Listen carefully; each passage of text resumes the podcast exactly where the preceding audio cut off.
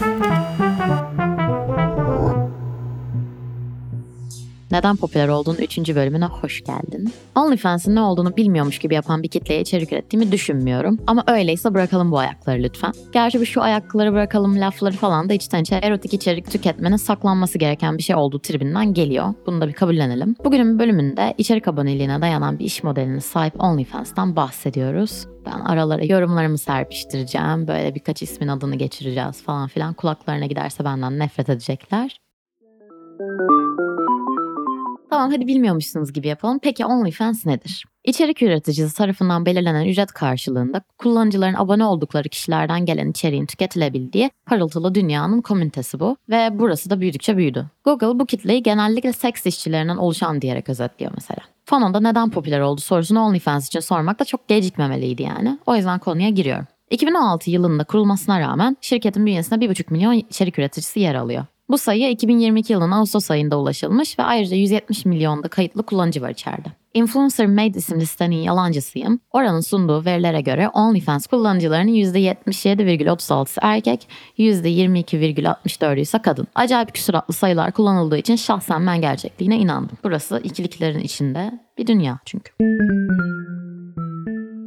2016'da kurulmasına rağmen özellikle 2020'den beri OnlyFans uygulamasını sık sık duyuyoruz. Patreon gibi benzer iş modellerine sahip hizmetlerin yaygınlaşmasından ve elbette pandemiyle birlikte fiziksel alan kullanımı sıkıntılarıyla birlikte ayrıca Twitter'daki popülerliğinin de yardımıyla OnlyFans'taki içerik üreticilerinin sayısı oldukça arttı. Monash Üniversitesi bünyesindeki Dr. Emily Van der Nagel, OnlyFans'ın kuruluş amacı ve şu anki durumu arasında bir gerginlik olduğunu söylüyor. Meğer platform özellikle yetişkin içeriklerine alan açmak adına kurulmamış ancak şu an birlikte anıldığı niş bu. Açıkçası ben bunu bilmiyordum, öğrenmiş oldum. Hayat böyle ufkunu genişletebilince güzel. Şimdi birazcık tarih konuşalım. Sitenin kuruluşunu takip eden 2 yıl içinde webcam performanslarına alan tanıyan MyFreeCams isimli sitenin kurucusu hisselerin büyük bir kısmını satın alıyor. İşte sitede bu noktada amatör pornografiyle ilişkilendirilmeye başlıyor. Sonra da zaten geliyor koronavirüs pandemisi. Ben bu konuyu konuşmayı sevmiyorum ama Mart 2020 itibariyle striptiz kulüpleri gibi fiziksel alanlarında kapanmasıyla ve her şeyin dijitalin yolunu tutması da OnlyFans'ı etkiliyor. Öyle ki pandeminin ardından OnlyFans üye sayısı 7,5 milyondan 85 milyona kadar yükseliyor. Mesela Temmuz 2020 tarihli bir haber. Koronavirüs pandemisi ardından internet sitesindeki yetişkin içeriklerin %42 oranında arttığını ifade ediyor. Nasıl böyle haber spikeri gibi konuşmam eğlenceli bence. Bella Thorne gibi oyuncuların ve Tana Mojo gibi YouTuber'ların platforma katılmasıyla OnlyFans'ın popülerliği iyice iyice iyice artıyor. Zira Thorn uygulama üzerinden haftada 1 milyon dolardan fazla kazandığını açıklıyor. Darısı başıma. Gelelim sıkıntılı kısma.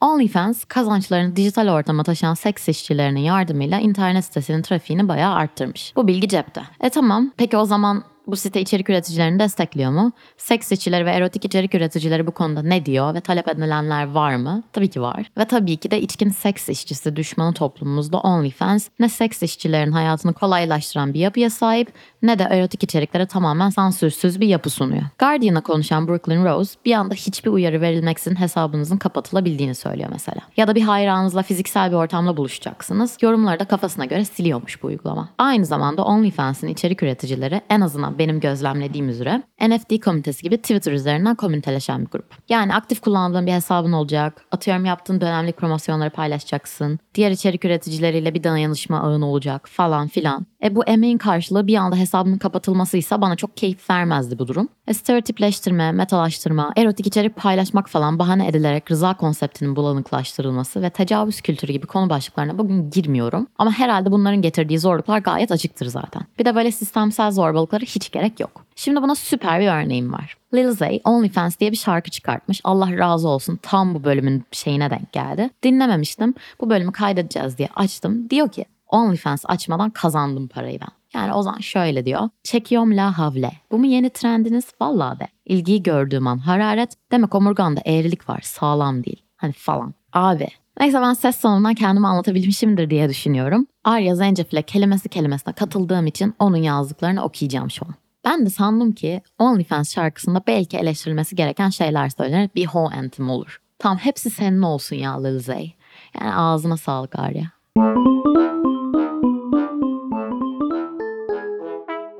Özet şu ki koskoca Google'da ilk arandığı an seks işçileriyle anılan ve erotik içerikleriyle bilinen platform kendi içerik üreticilerine sistemsel sıkıntılar çıkartıyor. Paranı oradan kazan, trafiğini oradan al, popülerliğini bu janrla arttır ama sıkıntı çıkar. Yani iyi bayağı. Neyse sistem yetişkin içerikleri hiçbir şekilde engellemiyor. Orada bir sıkıntı yok. Ama çoğu fetiş içeriğini yasaklıyor mesela. OnlyFans ne toplumun seks işçiliğine stereotip bakışını yeniden yorumlamasına yardım ediyor, ne pornografik içeriklerin Pornhub gibi korkunç sömürü düzenine dayalı bir sistem yerine direkt üreticisi tarafından tüketiciyle buluşmasını övüyor, ne de uygulamanın popülerleşmesine yardımcı olan içerik üreticilerinin ihtiyaçlarını tamamlamaya karşılıyor. Ne demiştik? OnlyFans kullanıcılarının %77,36'sı erkek, %22,64'ü ise kadınmış. Acayip klişe bir ikili cinsiyet düzeni sonucu bu. Anlayan anladı deyip programı kapasak da olur mu? Bence olur. Ben kapatıyorum.